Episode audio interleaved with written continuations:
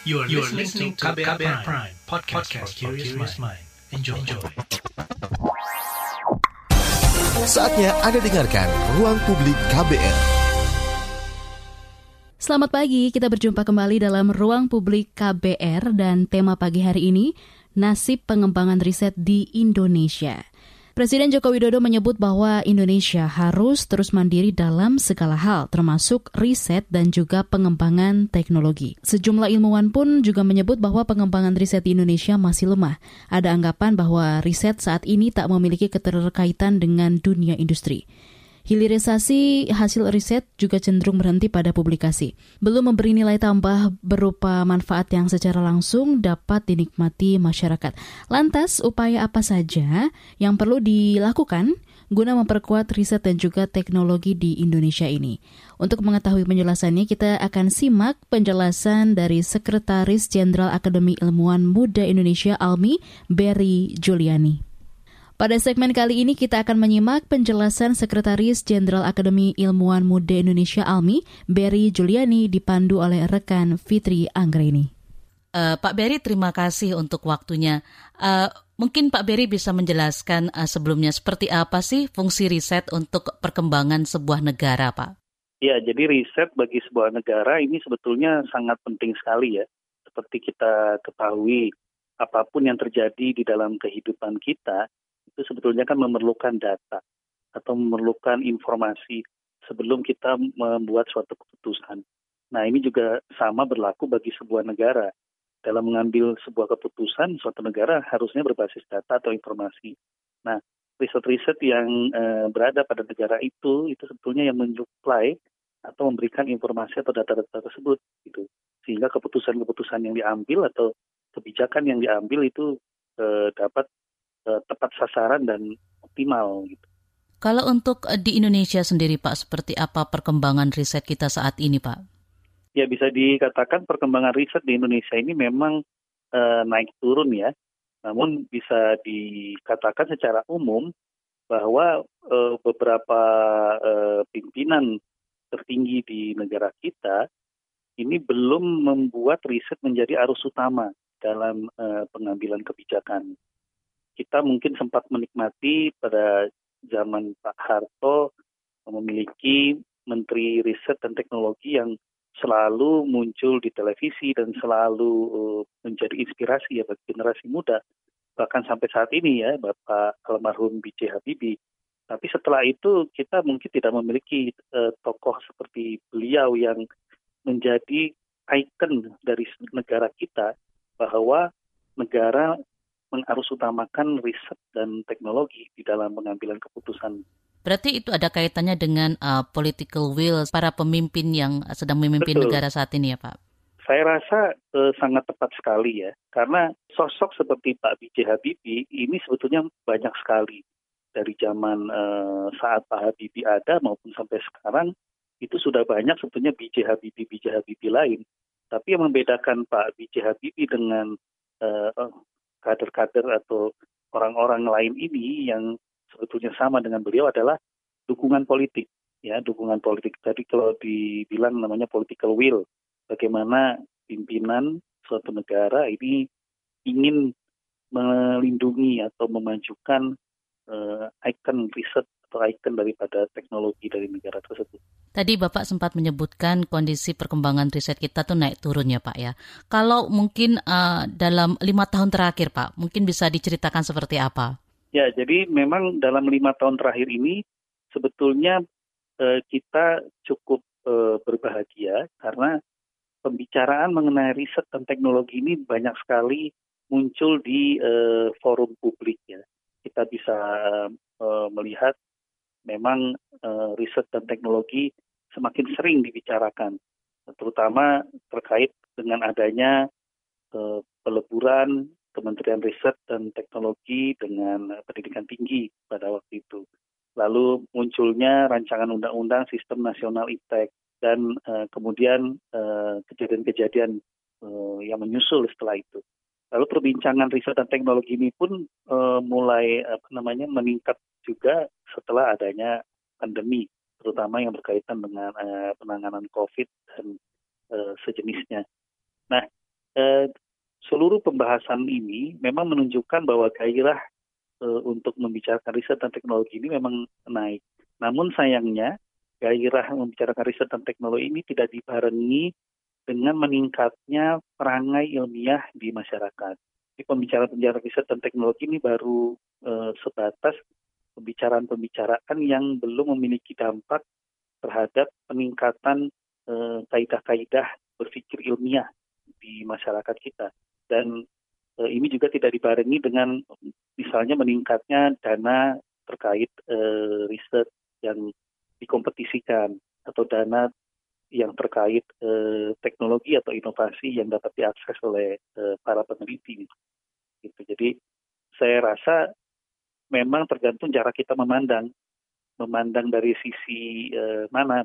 Dari satu sisi tadi ada yang meningkat, tapi pada sisi lain mungkin ada yang tetap atau bahkan menurun. Kalau boleh saya simpulkan tadi ada tiga hal yang terkait dengan perkembangan uh, riset di tanah air ya Pak ya. Soal kemauan politik para pemimpin, juga soal uh, perilaku ilmiah, dan juga tadi soal dana yang masih kecil, masih kurang begitu ya Pak Beri ya? Betul, dana yang kurang yang dikompetisikan. Hmm, itu maksudnya apa Pak, dana yang uh, dikompetisikan itu Pak? Ya, jadi seperti sering kita lihat ya di berbagai uh, berita bahwa sebetulnya dana penelitian di Indonesia ini memang uh, tidak mencapai satu persen dari pendapatan domestik bruto kita. Dan ini sangat kecil sekali dari segi jumlah. Dan dari segi jumlah yang sudah sangat kecil ini pun, eh, yang sekitar 25 triliun per tahun, itu sebetulnya hanya 1,5 triliun yang eh, dikompetisikan, sekitar eh, 1,5 triliun yang dikompetisikan. Sisanya adalah belanja-belanja rutin eh, untuk keperluan eh, lembaga-lembaga riset atau eh, kementerian, dan pembelanjaan terkait riset yang uh, top down jadi artinya sudah dialokasikan. nah, mengapa uh, dari 25 triliun ini hanya 1,5 yang dikompetisikan? Ini yang menjadi uh, sebetulnya PR bagi kita untuk uh, bagaimana caranya mengatasi uh, hal tersebut. Karena ketika 25 triliun ini dianggap sebagai belanja riset, itu masyarakat menganggap bahwa peneliti sebetulnya dapat mengakses 25 triliun itu untuk penelitian. Bahkan Presiden Jokowi sendiri menganggap 25 triliun itu uh, sudah cukup banyak itu untuk riset. Padahal sesungguhnya yang uh, dapat diakses secara kompetitif itu hanya 1,5 triliun. Jadi ini yang kami selalu dorong bahwa untuk penelitian-penelitian tertentu, skema top-down uh, dari pemerintah untuk dana penelitian itu perlu. Misalnya untuk penelitian terkait pertahanan keamanan, penelitian-penelitian prioritas, tapi sisanya dan yang sebaiknya sebagian besar itu harusnya merupakan dana penelitian yang kompetitif. Jadi kalau selama ini dana yang dari pemerintah bisa dikatakan sangat terbatas, Pak, bagaimana uh, di lapangan uh, riset-riset ini dilakukan oleh para uh, ilmuwan, Pak? Ya, uh, sebetulnya banyak sekali keluhan dari para rekan-rekan peneliti ya bahwa uh, dana penelitian di Indonesia ini memang sangat uh, tidak memadai bagi riset-riset yang memerlukan biaya cukup besar. Jadi memang uh, ada jenis-jenis riset tertentu yang pembiayaannya cukup uh, besar, terutama karena uh, sifat dari risetnya, seperti riset terkait kesehatan, uh, kimia, dan lain sebagainya, termasuk biologi molekuler, Kenapa bisa begitu besar? Karena banyak sekali bahan-bahannya yang import atau banyak sekali alat-alatnya yang uh, sangat uh, canggih. Namun uh, selama ini peneliti dengan uh, penelitian yang memerlukan dana, yang sangat besar ini mengatasinya dengan cara berkolaborasi, biasanya dengan rekan-rekan peneliti di luar negeri gitu. Jadi memang eh, banyak sekali peneliti Indonesia yang mensiasati kekurangan atau kelemahan ini dengan jalan eh, mengajak rekan-rekan peneliti di negara lain. Gitu. Nah sebetulnya kalau seluruh pendanaan ini cukup memadai, mungkin kita bisa memiliki uh, lebih banyak kedaulatan di dalam penyelenggaraan penelitian yang berdana besar ini. Uh, siasat lain adalah atau strategi lain lebih tepatnya peneliti di Indonesia ini mengajukan pendanaan ke suatu atau ke uh, sumber pendanaan di luar negeri begitu. Sebenarnya seberapa penting uh, kalau uh, kita bisa uh, melakukan berbagai penelitian tersebut dengan biaya kita sendiri, Pak? Ya, tentu saja seperti kalau kita lihat di bidang lain ya, uh, jika kita memiliki sumber daya yang cukup dan memiliki kemandirian, tentu saja hasil-hasil yang kita dapatkan dari kegiatan itu bisa menjadi kekuatan kita gitu. Jadi kalau seperti uh, saat ini misalnya saya ambil contoh yang cukup sering uh, apa namanya menjadi keluhan adalah penelitian-penelitian yang melihat biodiversitas Indonesia misalnya. Uh, karena penelitian-penelitian uh, terkait biodiversitas ini misalnya eksplorasinya ke dalam hutan atau ke suatu lingkungan itu berbiaya tinggi dan tidak memiliki aplikasi yang langsung ke masyarakat, maka biasanya uh, dibiayainya sangat rendah. Sehingga para peneliti biasanya mengajak rekan-rekan peneliti dari luar negeri. Nah, ketika sudah tidak luar negeri ini, tentu saja data-data keanekaragaman atau biodiversitas kita ini dapat diakses dengan mudah dan dikuasai juga oleh e, peneliti dari luar negeri. Padahal data-data tersebut tentunya memiliki nilai ekonomi di kemudian hari misalnya. Jadi e, sebagai contoh misalnya kan kita bereksplorasi berbagai jenis tumbuhan yang ternyata memiliki berbagai senyawa aktif yang bagus untuk obat kanker misalnya. Nah, karena kita melakukannya secara kolaboratif dengan peneliti dari luar negeri, tentu saja mereka juga memiliki data tersebut.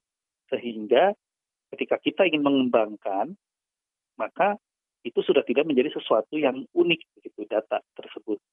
Tapi jika eh, penelitian ini misalkan untuk eh, eksplorasi dari biodiversitas itu mandiri dari Indonesia, tentu saja pengembangan sisi ekonominya juga dapat dilakukan khusus di Indonesia dan Indonesia bisa menjadi kekuatan e, satu-satunya misalkan atau e, yang cukup besar di dalam pengembangan obat tersebut. Ruang Publik KBR akan kembali, tetaplah bersama kami. Masih Anda dengarkan Ruang Publik KBR. Commercial break. Commercial break. Commercial break. Ya, ada lagu ini pula buat rindu kampung ini. Ah, nelfon mama ah. Apa kabar dia nih ya? Eh, Tigor, lagi di mana kau? Di kosan, Mak. Mama apa kabar? Kuliahmu udah libur kan? Pulanglah kau, nak. Di kampung aja. Nanti kau keluar-keluar kena pula sakit si Corina itu. Eh, siapa namanya itu? Corona kan? Corona betul ya? Eh, ditanya kabar malah panjang mama ini jawab. Nggak boleh pulang, Mak. Kan pemerintah juga menganjurkan untuk tidak ke mana-mana, apalagi mudik atau pulang kampung. Kalau di jalan kena virusnya, terus bawa ke kampung gimana? Bandel kali kau. Di kampung mana ada corona? Mama sehat-sehat aja loh ini. Bukan begitu, Mak. Orang tua itu kan paling rentan nih kena virusnya. Jadi diam-diam aja di rumah ya, biar cepat selesai masalah corona ini. Bangga kali mama sama kau Tigor. Gak salah mama sekolahkan kau jauh-jauh ke Jakarta, Amang. Jadi tenang mama di sini. Sehat-sehat ya anakku, Amang. Iya, Mak. Mama juga ya. Tetap aman di rumah bersama media lawan COVID-19. Masih Anda dengarkan Ruang Publik KBR. Anda masih mendengarkan Ruang Publik KBR. Kita masih akan menyimak juga penjelasan Sekretaris Jenderal Akademi Ilmuwan Muda Indonesia atau ALMI, yaitu Berry Juliani. Nah, kalau untuk regulasi sendiri seperti apa, Pak Berry? Uh, aturan soal riset ini di dalam negeri dan uh, keterlibatan peneliti asing dalam riset-riset yang dilakukan bersama peneliti Indonesia dan juga dilakukan di Indonesia, Pak? Ya, jadi sebetulnya Indonesia ini untuk uh, segi peraturan ya cukup maju dibanding negara lain. Uh, jadi banyak sekali peraturan-peraturan yang ikut menjaga bagaimana kontribusi dari peneliti Indonesia dan juga kontribusi dari peneliti asing, bagaimana perizinannya dan uh, lain sebagainya gitu.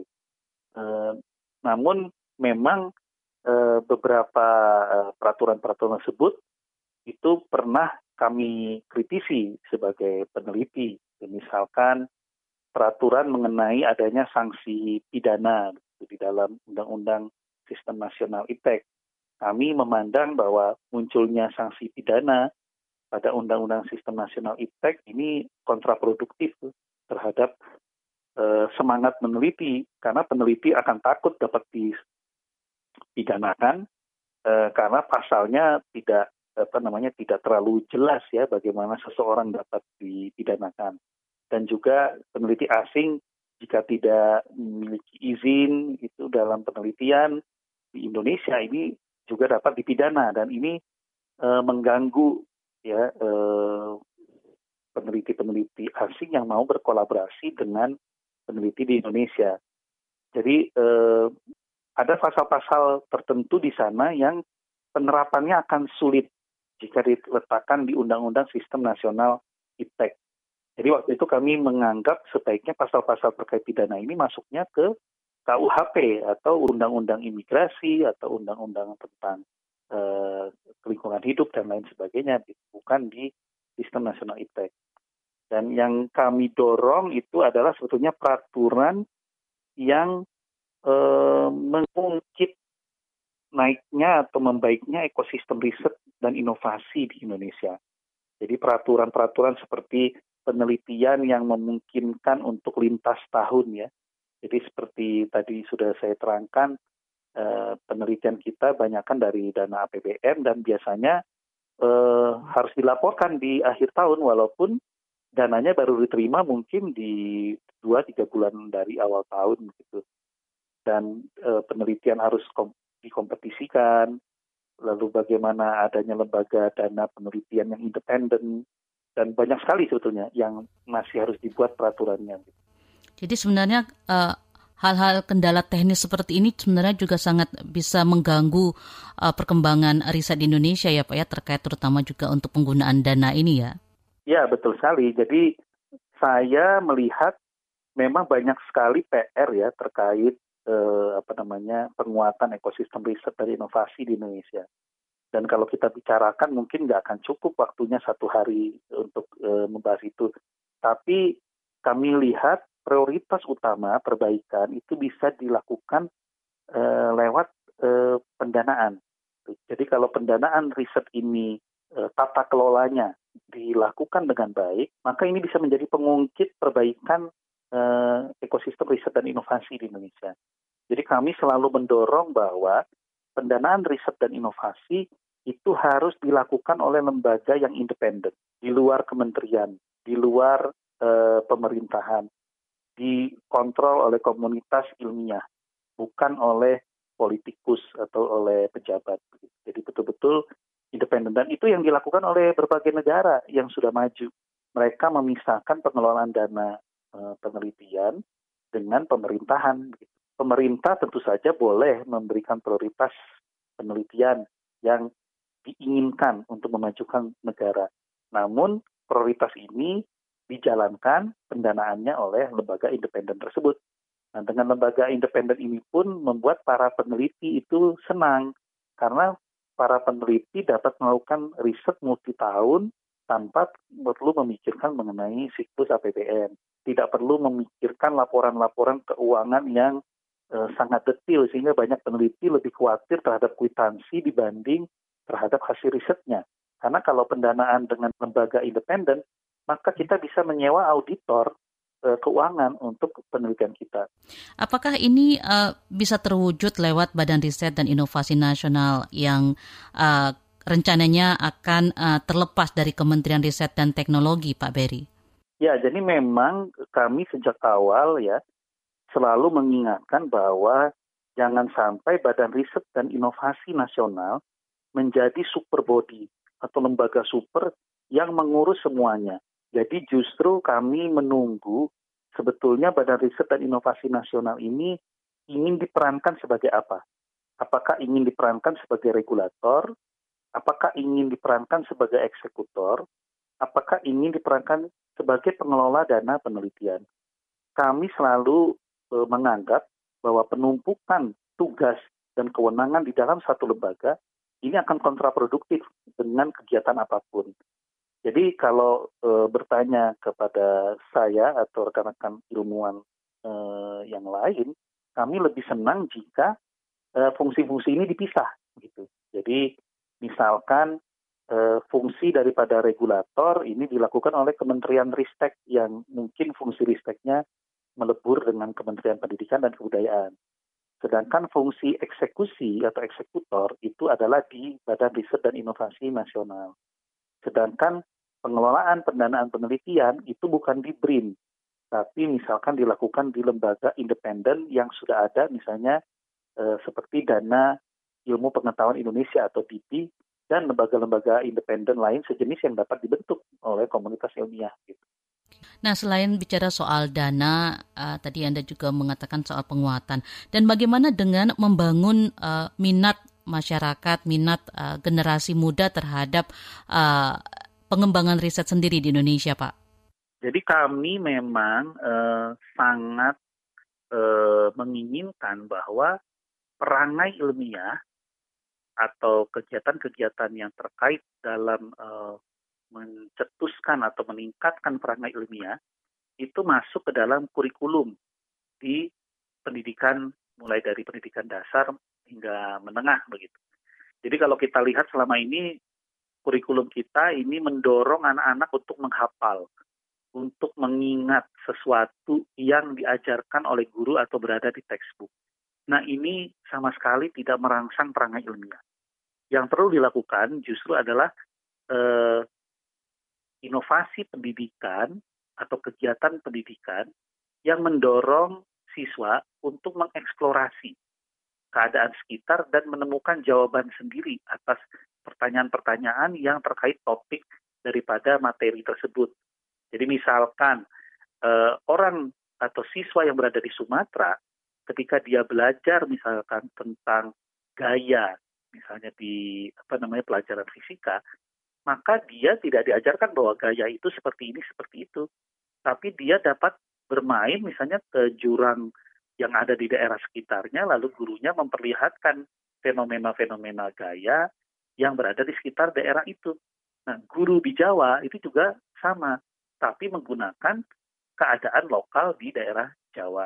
Jadi eh, kegiatan-kegiatan atau inovasi pembelajaran seperti ini yang eh, kita memang eh, hingga saat ini berusaha supaya eh, dapat dilakukan di pendidikan dasar dan menengah.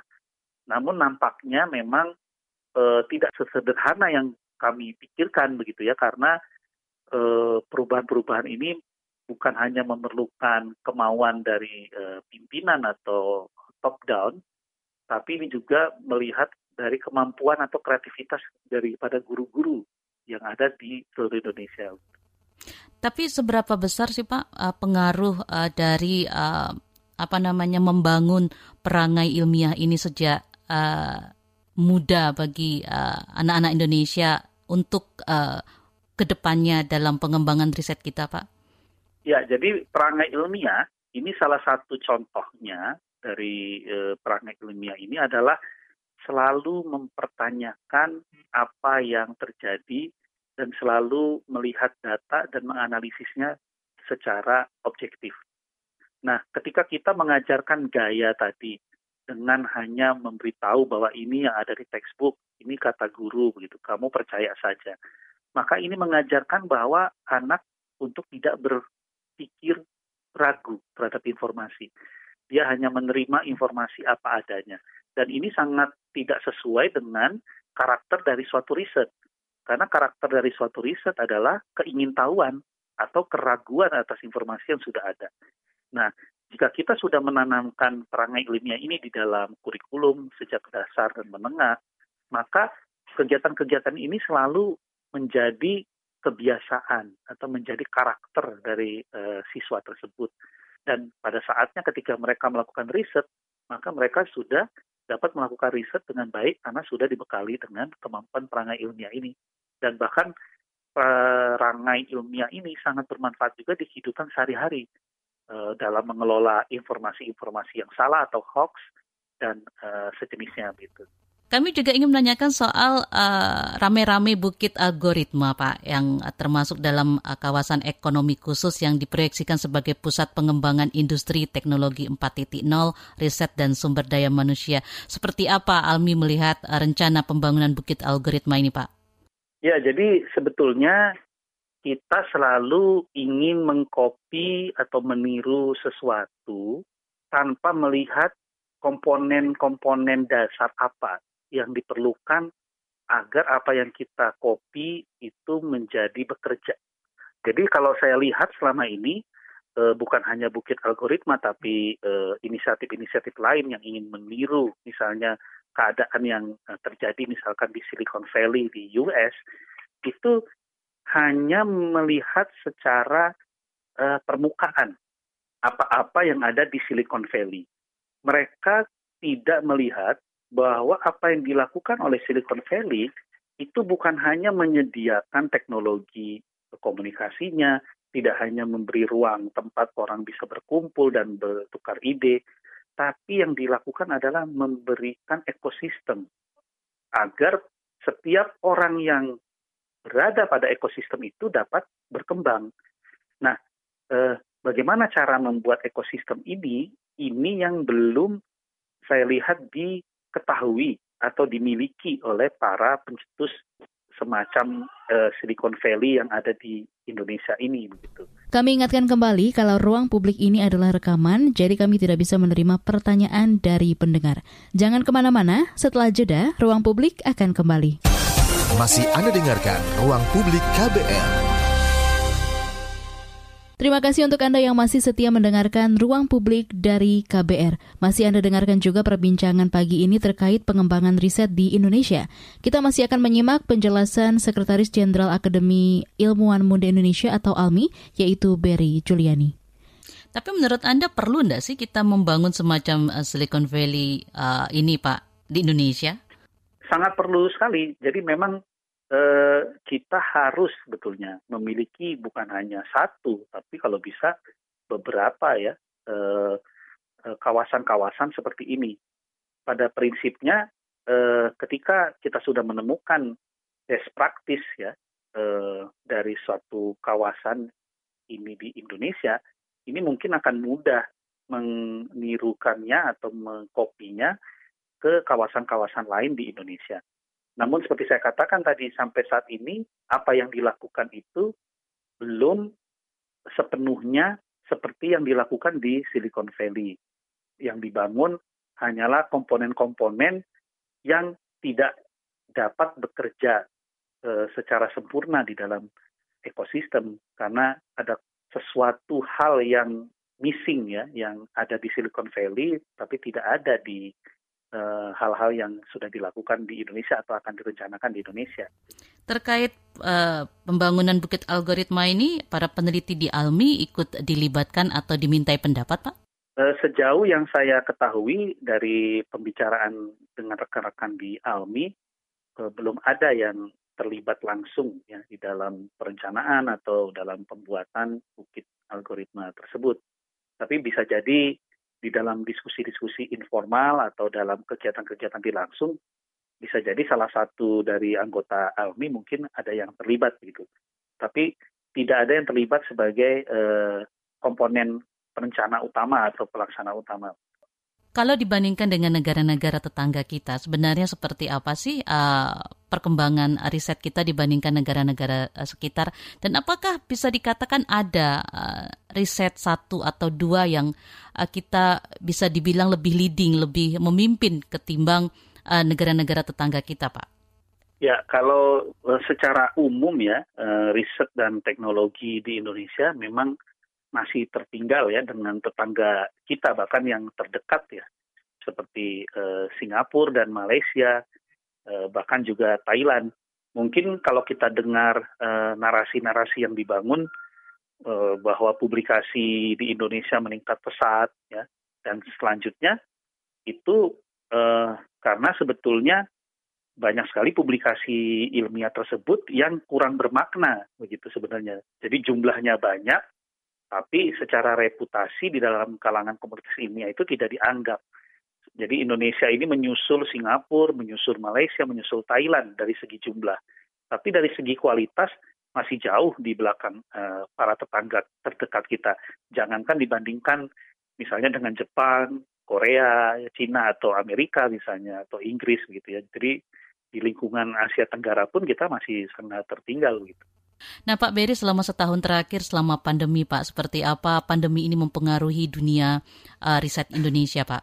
Ya saya lihat memang pandemi ini memberikan dampak cukup positif ya, karena masyarakat jadi mulai juga memperhatikan bagaimana riset dan teknologi dapat membantu mereka di dalam menghadapi keadaan gitu ya, seperti pandemi ini. Uh, jadi ini uh, dampak positifnya kita dapat melihat perbincangan-perbincangan banyak tokoh ilmuwan yang muncul uh, dan masyarakat mulai giat uh, juga uh, mengikuti gitu perkembangan riset dan teknologi terutama terkait COVID-19. Tapi ada juga dampak negatifnya karena pada saat pandemi ini pun muncul ilmuwan-ilmuwan yang tidak jelas begitu ya uh, dari sisi rekam jejak, dan juga uh, mengaku sebagai ilmuwan misalnya yang memberikan informasi-informasi yang sepertinya ilmiah tapi sebetulnya sama sekali tidak ilmiah dan melanggar justru kaidah-kaidah ilmiah. Namun karena diberikan apa namanya uh, wahana oleh media misalkan dan juga oleh para pejabat atau politikus, maka justru menjadi sorotan utama dan dianggap menjadi suatu kebenaran oleh masyarakat.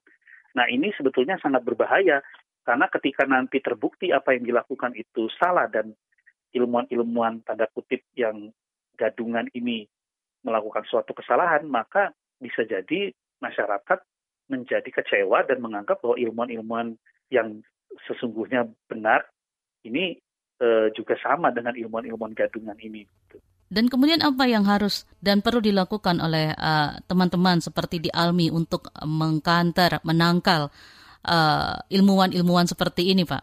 Ya, kami aktif secara apa namanya, secara lewat media massa juga gitu ya, uh, untuk memberikan opini bantahan atau informasi tandingan gitu, agar masyarakat dapat melihat uh, perbandingannya begitu info-informasi dari ilmuwan-ilmuwan tanda kutip gadungan tersebut dengan ilmuwan-ilmuwan yang memang e, memiliki rekam jejak baik di komunitas ilmiah.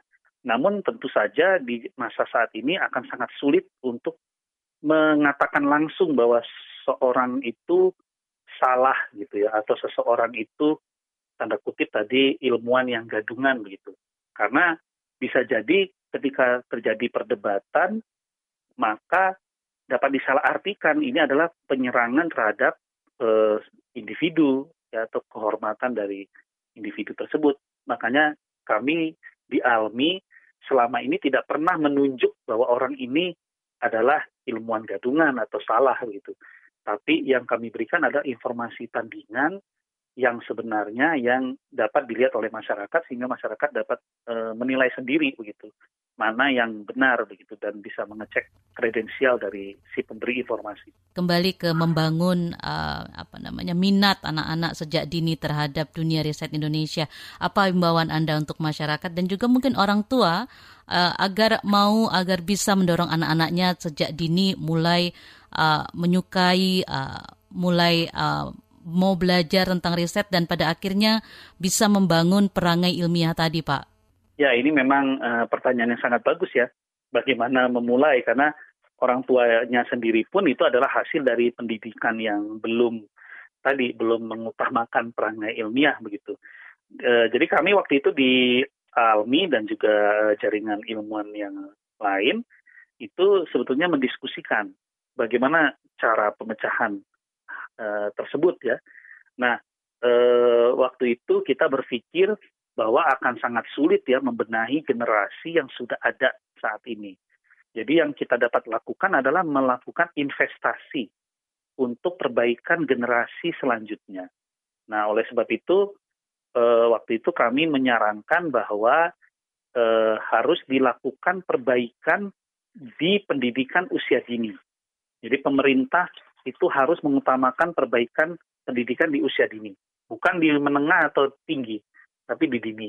Kita mulai dari anak-anak yang ada masih kecil sekarang, lalu kita melindungi uh, ibu dan bayi begitu. Jadi kita akan uh, apa namanya dapat memanen hasil investasi ini mungkin satu generasi berikutnya. Mm-hmm. Tapi dengan uh, kondisi pandemi saat ini di mana uh, sekolah masih uh, dilakukan secara online, apakah ini juga pastinya akan mempengaruhi rencana-rencana tersebut ya Pak ya? Iya, jadi memang rencana uh, tersebut ya akan sangat terpengaruh dengan kondisi pandemi ini. Bahkan walaupun tanpa pandemi, apa yang kami sampaikan itu juga belum tentu dilaksanakan begitu. Karena kebanyakan kebanyakan orang mungkin akan berpikir kok kenapa investasi di pendidikan usia dini begitu. Jadi investasi di pendidikan usia dini itu misalnya begini, uh, hanya orang-orang terbaik ya yang menjadi guru di TK dan sekolah dasar. Nah ini kan akan sangat bertentangan dengan apa yang terjadi saat ini. Karena justru kalau sekarang yang terbaik ini justru menjadi dosen ya di perguruan tinggi begitu. Misalkan gitu. E, mereka tidak mau menjadi guru TK atau SD. Nah, tanpa pandemi pun melaksanakan hal seperti ini memerlukan e, rekayasa sosial yang sangat besar begitu. Jadi e, memang e, PR-nya ini sangat besar. Jadi walaupun pemerintah mau, belum tentu pemerintah juga dapat melakukan dengan cepat begitu. Tapi paling tidak kalau sudah ada kemauan dan mulai kita bisa melihat hasilnya nanti. Tapi yang terjadi saat ini kan eh, jangankan memulai ya. Eh, niat untuk melakukan itu pun belum belum ada. Kita lihat secara eksplisit. Pesan dari Almi untuk pemerintah dalam pengembangan riset di Indonesia untuk saat ini dan ke depannya, Pak.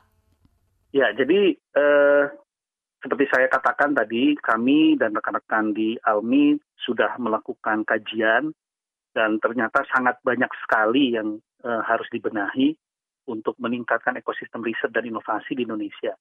Sehingga pada akhirnya kami memilih ya, memilih prioritas utama untuk pembenahan itu yang bisa dilakukan oleh pemerintah dalam waktu dekat, yaitu adalah tadi pembenahan pendanaan penelitian yang uh, independen dan uh, dikontrol oleh komunitas ilmiah gitu.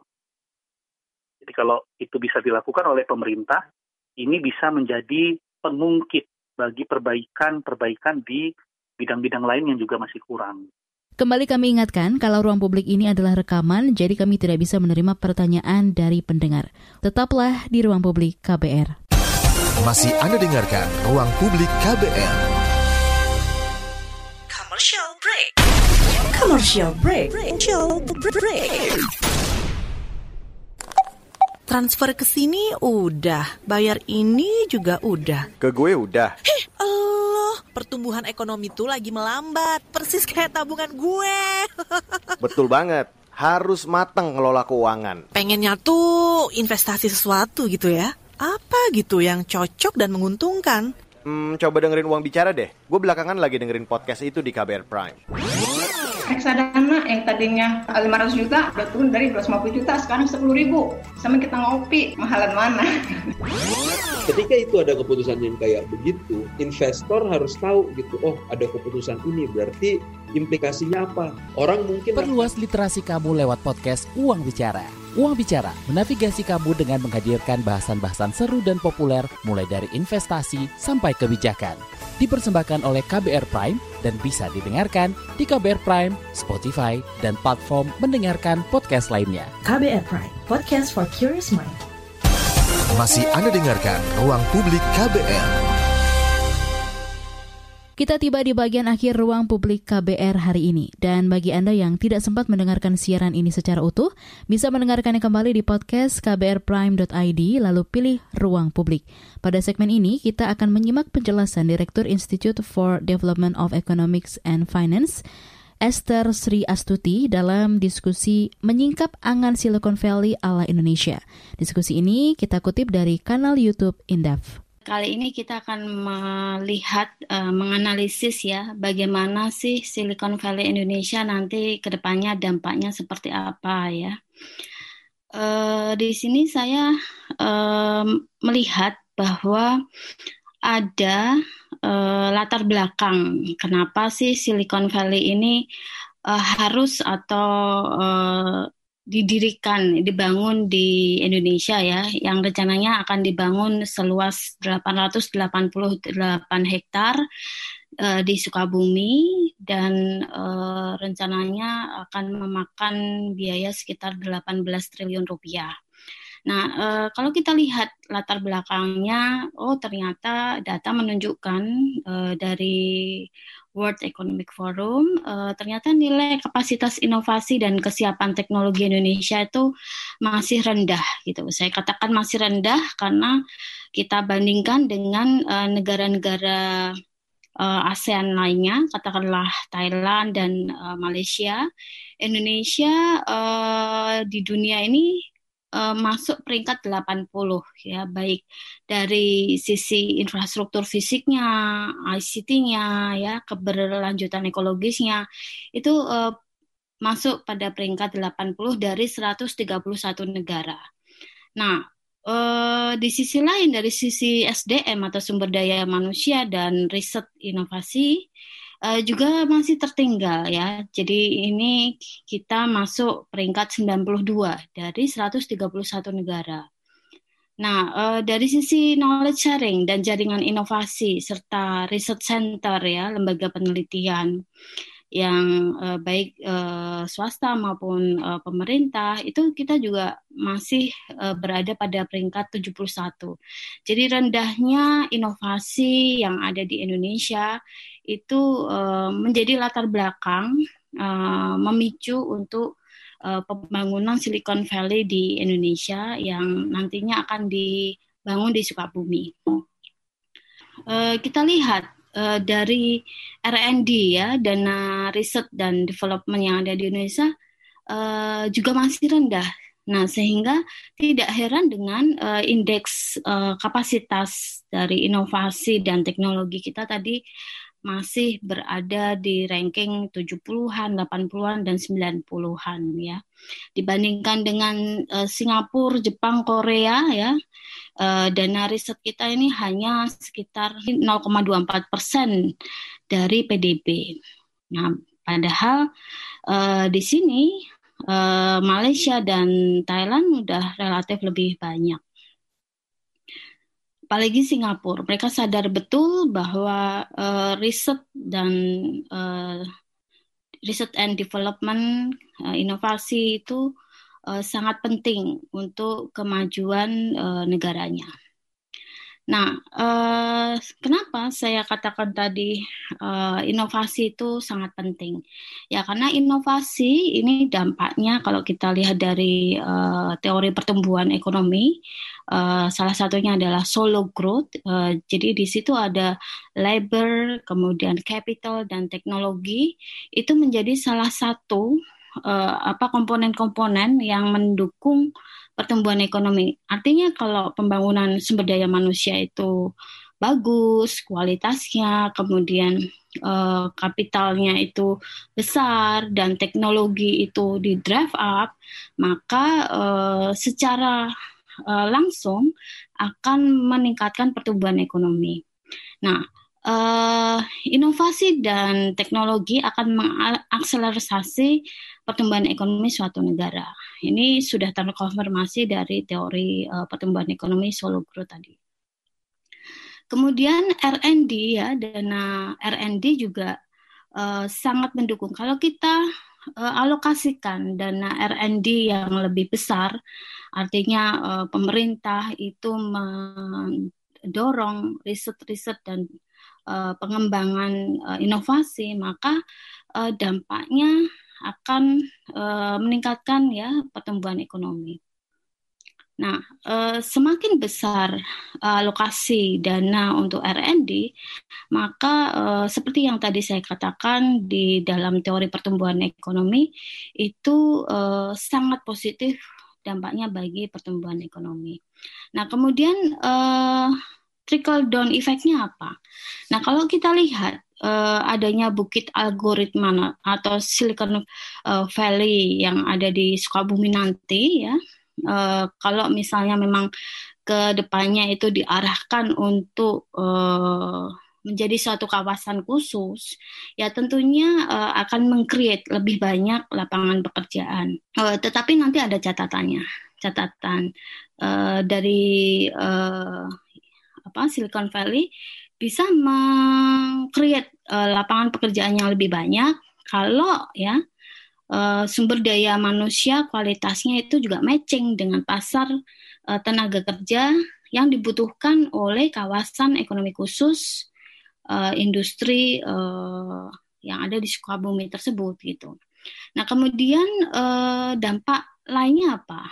Menarik investasi terutama pada pengembangan teknologi ya. Jadi pembangunan uh, kawasan khusus uh, seperti yang uh, ada di Sukabumi dengan uh, dipenuhi oleh high tech uh, teknologi ya uh, high technology zone maka akan menarik ya banyak investor untuk bisa membangun pabrik-pabrik dengan uh, teknologi yang tinggi ya uh, kemudian Uh, tentunya uh, dampak lainnya adalah meningkatkan kompetensi dan inovasi ya dari uh, produktivitas di Indonesia dan kemudahan sharing knowledge dan masifnya inovasi.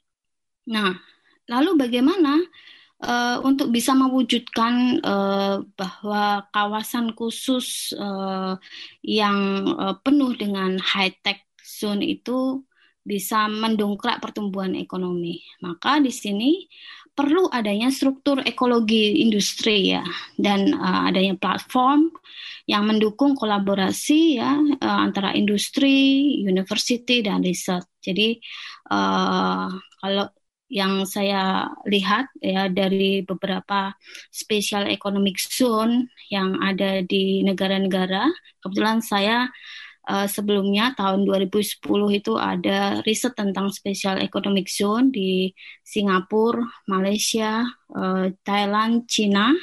Nah, itu uh, tidak hanya industri, tetapi butuh kolaborasi antara university, pemerintah dan industri untuk bisa mendongkrak performa dari kawasan industri itu.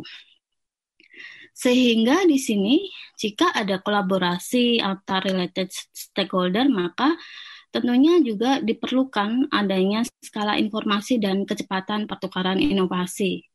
Uh, yang artinya nanti dengan adanya kolaborasi yang uh, bagus, partnership yang bagus antara industri, riset gitu ya, university gitu ya, research center, maka uh, didukung dengan informasi yang perfect ya maka uh, investor itu akan lebih cepat uh, masuk ya ke Sukabumi gitu untuk bisa mendirikan industri-industri yang high tech.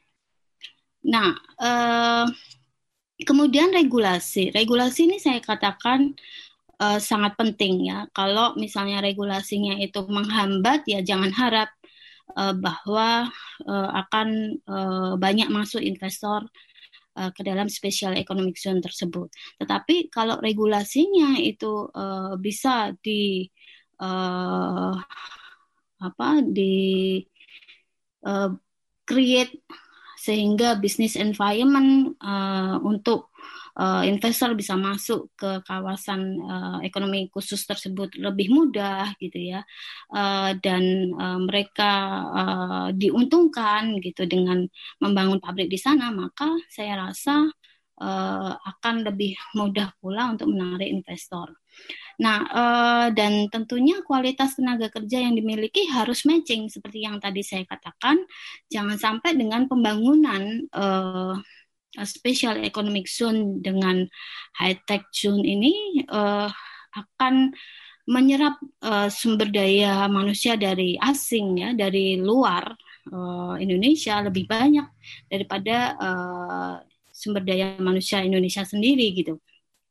Sehingga perlunya peningkatan kualitas SDM agar mereka matching dengan uh, pasar tenaga kerja yang di di special economic zone itu ya eh, maka itu eh, suatu keharusan gitu.